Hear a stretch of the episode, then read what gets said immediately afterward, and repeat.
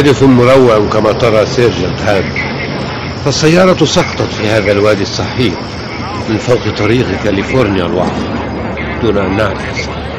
إذا علينا الآن إجراء معاينة السيارة حتى نكتب تقريرنا.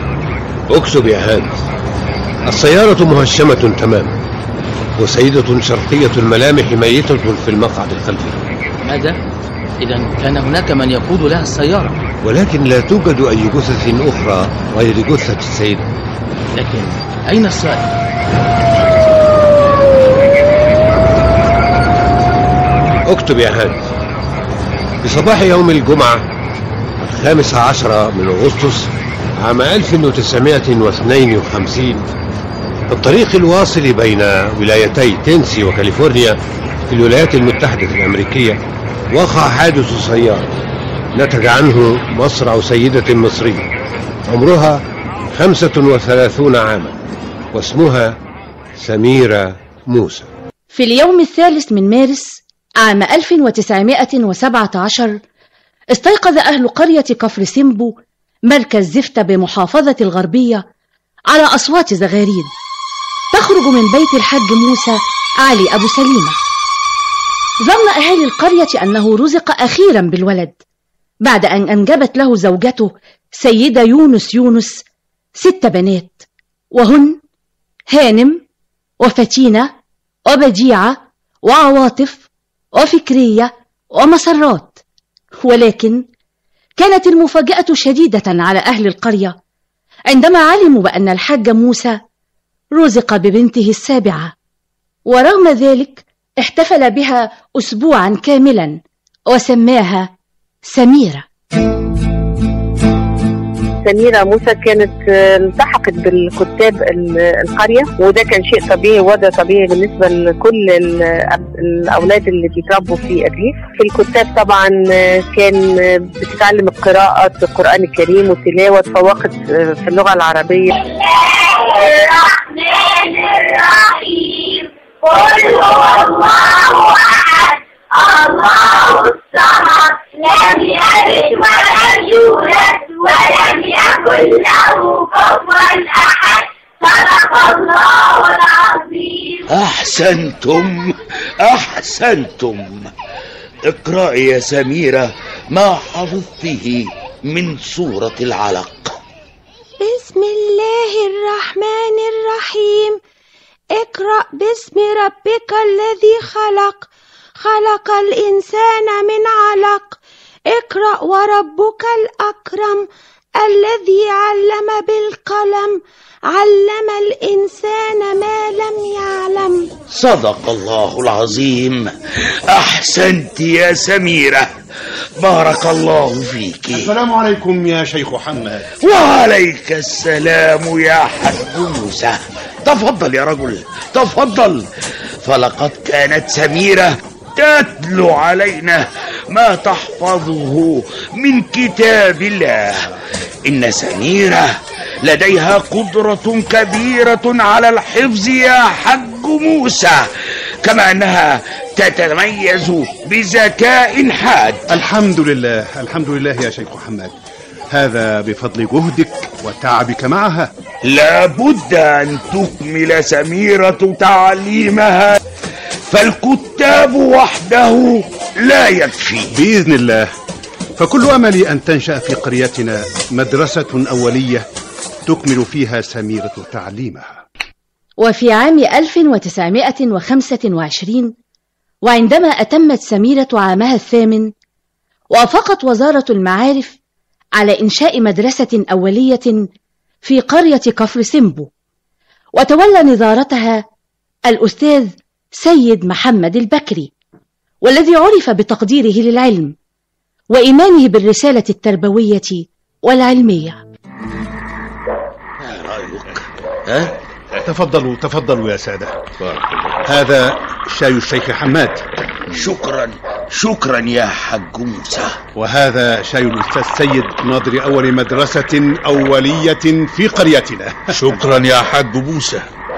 والآن يا سميرة وكعادتنا كل ليلة. ماذا ستقرأين لنا؟ شعرا؟ أم قصة قصيرة أم صحف ومجلات هذا الأسبوع؟ سأقرأ لكم الصحف يا أبي. حصول العالم الفرنسي جين بيرين على جائزة نوبل في الفيزياء. وهل تعرفين هذا العالم يا ابنة التسعة أعوام. نعم يا شيخ حماد فله بحوث كثيرة في الأشعة السينية فلقد قرأت عنه في أعداد سابقة من الصحف. بسم الله ما شاء الله بسم الله ما شاء الله. رائع يا سميرة رائع. أتمنى أن يأتي اليوم الذي تحصلين فيه على نوبل أنت أيضا. أشكرك يا أستاذي سيد ولكني مشفقة على ألفريد نوبل. ولماذا تشفقين عليه الرجل مات مات وأوصى بجوائز في العلوم والآداب بتلك النقود التي جمعها من اختراعه المميت. يا أبي نوبل لم يخترع الديناميت من قبل الحروب. لقد اخترعها ليشق الإنسان الجبال ويخرج من باطنها معادن يستفيد بها في الحياة. العلم والبحوث يا أبي ليست للدمار والقتل.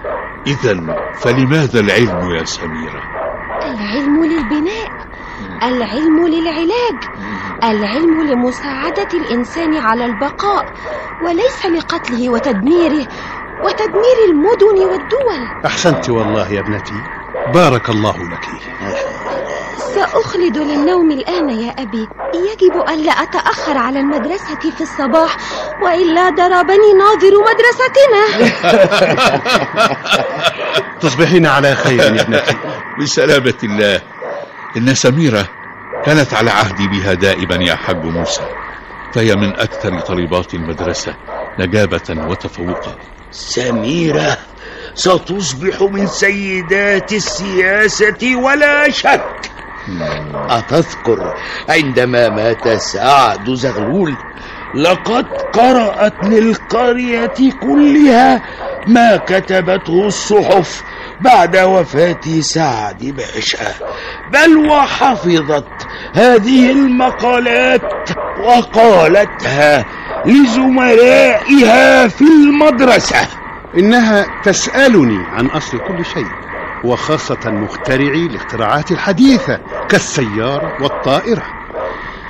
إني والله أريد أن أحافظ على هذا النبوغ يا أستاذ سيد إن نبوغها ملحوظ يا شيخ حماد وبخاصة في مادة الحساب. إنها تقوم بحل أعقد المسائل بدون ورقة أو قلم. إنها تناقشني في كثير من الموضوعات وتحيرني بأسئلة أكبر من سنها.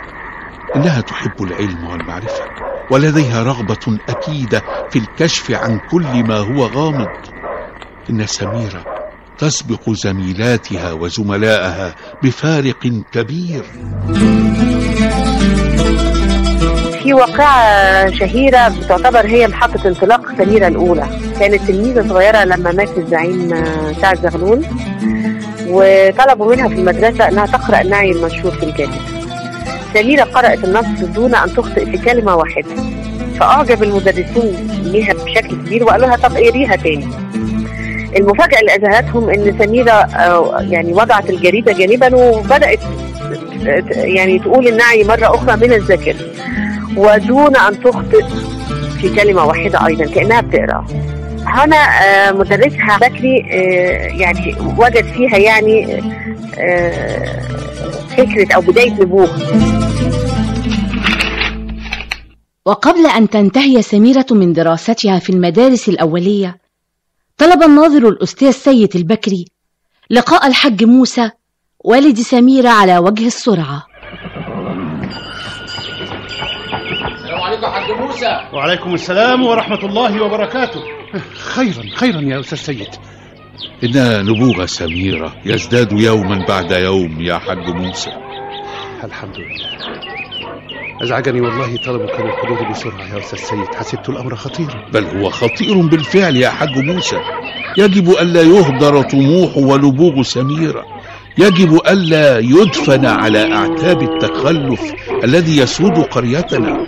وماذا ترى يا أستاذ سيد كيف أحافظ على نبوغ سميرة؟ يجب أن تكمل سميرة تعليمها بالقاهرة. القاهرة؟ نعم القاهرة تتوافر فيها كل الإمكانات مدارس ابتدائية وثانوية. هذا بالإضافة إلى وجود جامعة الملك فؤاد الأول. وفعلا الحاج موسى هي دي الوقفة اللي أنا بقول عليها وقفة يعني آه أب مستنير إنه باع آه قطعة من ارضه وراح اشترى آه لوكاندا في حي الحسين وواحدة تانية في العتبة عشان يقدر يساعد سميرة إنها تتعلم في القاهرة. هي الحقيقة دخلت في مدرسة قصر الشوق وأخذت الشهادة الابتدائية وكانت الأولى على المدرسة. وده اللي يعني ساعتها إنها تلتحق بمدرسه بنات الشرف اللي اسستها آه، الرائدة نبوية موسى. ما شاء الله. نتائج ممتازة. تقدمت في المراحل التعليمية بتفوق يا سميرة. هذا لأني أدعك كمثل أعلى لي يا أستاذة نبوية. فنضالك ووطنيتك ودعواتك لتحرير المرأة كل هذا فخر لنا. وكذلك إسهاماتك في الحركة التعليمية مثل إنشائك لهذه المدرسة هنا في القاهرة وفي الإسكندرية وإصدارك لجريدة الفتاة. وهل تقرأين جريدة الفتاة؟ كل عدد. وقرأت مقالك حين كتبت إن الفتاة يجب أن تتحد في الثقافة العامة مع الفتاة. رائع يا سميرة. وكذلك قرأت كتابك المرأة والعمل وكتبت؟ إن الأمة لا تنجح إلا إذا كانت نشيطة وعاملة ولا تكون نشيطة ما دام نصفها أشل لا حياة فيه. فإذا لم نعمل نحن النساء كان نصف الأمة المصرية مهملا لا ذكر له. أنت رائعة يا سميرة وأتوقع لك مستقبلا باهرا. يا أحدث بنات مدرستي مدرسة بنات الأشراف الأهلية الثانوية.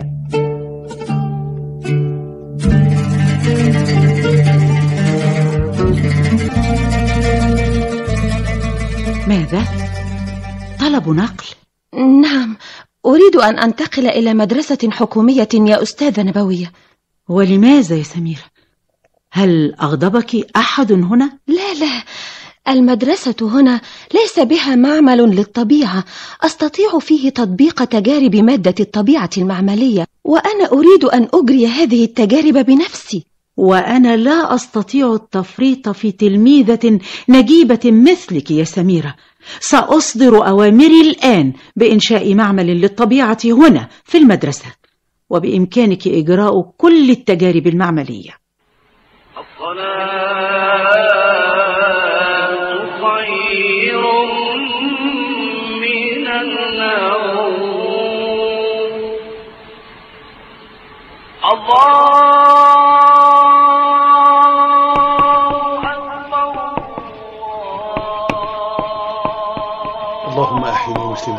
وأمتني مسلما يا رب.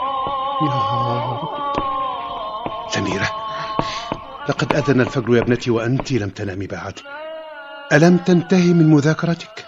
أنا لا أذاكر يا أبي. ماذا لا تذاكرين؟ وماذا تفعلين أيضا؟ أنا أؤلف كتابا يا أبي. كتاب؟ أي كتاب يا ابنة الستة عشر ربيعة؟ كتاب الجبر يصعب فهمه فزميلاتي يعانين من هذا الكتاب. فقررت شرحه لهن بطريقة مبسطة. ما شاء الله. وقررت الله. تأليف كتاب يبسط كتاب الجبر وسميته كتاب الجبر الحديث. الله الله. ليسهل على زميلاتي استيعاب منهج الجبر خرج الكتاب إلى النور. بعد أن تم طبعه في مكتبة وادي النيل بالفجالة وحصلت سميرة على البكالوريا أو الثانوية وكانت الأولى على القطر المصري. ونحت فكرة الزواج جانبا وبكل عزم وتصميم. لتقرر الالتحاق بكلية العلوم كأول فتاة تلتحق بهذه الكلية حيث انقلبت الدنيا رأسا على عقب وأثيرت في الصحف وقتها وسخط مشايخ الأزهر بل ووصل الحد إلى تقديم استجواب برلماني. سميرة موسى عرف عنها؟ إنها كانت يعني آه، على درجة عالية من النبوغ وإنها في آه، كانت يعني دليل على ذلك كانت يعني ألفت كتاب وهي كليه العلوم وفي العلوم الفيزيائيه اتعرض على الدكتور مشرفه الكتاب توسم فيها إن البحوث أو ال- ال- الدراسات اللي هي والاقتراحات اللي عمل اللي عملتها في دراستها آه، تتصل بعلوم الذرة. أنت طالبة مجتهدة يا سميرة. أداؤك في الاختبارات والمعامل ينبئ لنا بعالمة كبيرة في المستقبل.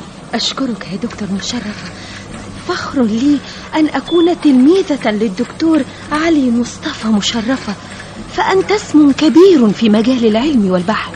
فقط أريد منك المزيد من الاستذكار والبحث.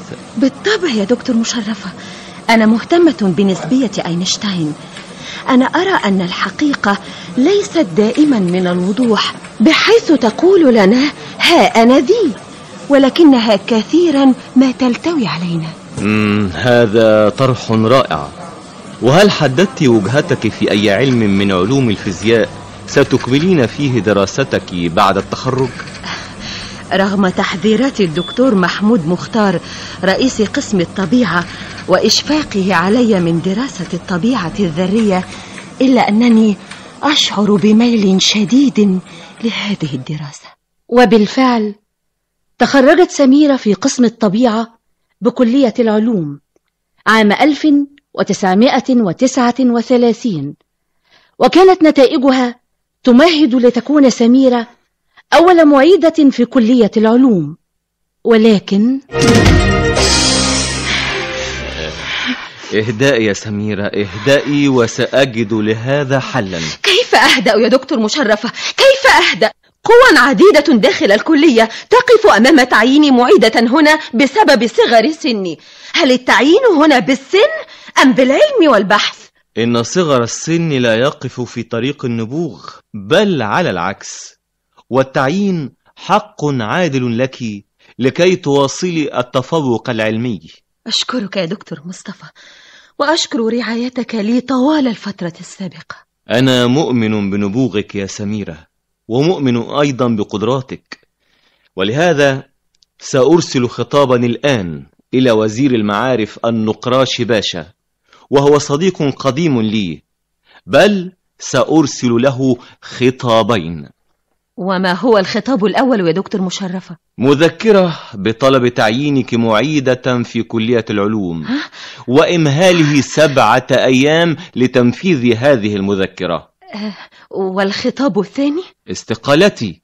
ففي حالة عدم تحقيق طلبي في الخطاب الأول ينفذ الخطاب الثاني وهو الاستقالة. ورفع النقراش باشا الأمر إلى رئيس الوزراء واجتمع من أجل ذلك مع بعض الوزراء. حتى وافق مجلس الوزراء على تعيين سميرة موسى معيدة في كلية العلوم. للأسف الشديد يا سميرة الحرب بدأت في أوروبا ولن تستطيع السفر إلى لندن لتحضير الماجستير. ورغم أن الحزن هو الشعور الوحيد الذي يطل علينا الآن إلا أنني قررت تحضير الماجستير هنا في مصر. يا دكتور مشرف. رائع يا سميرة رائع. هذا ما أنتظره منك.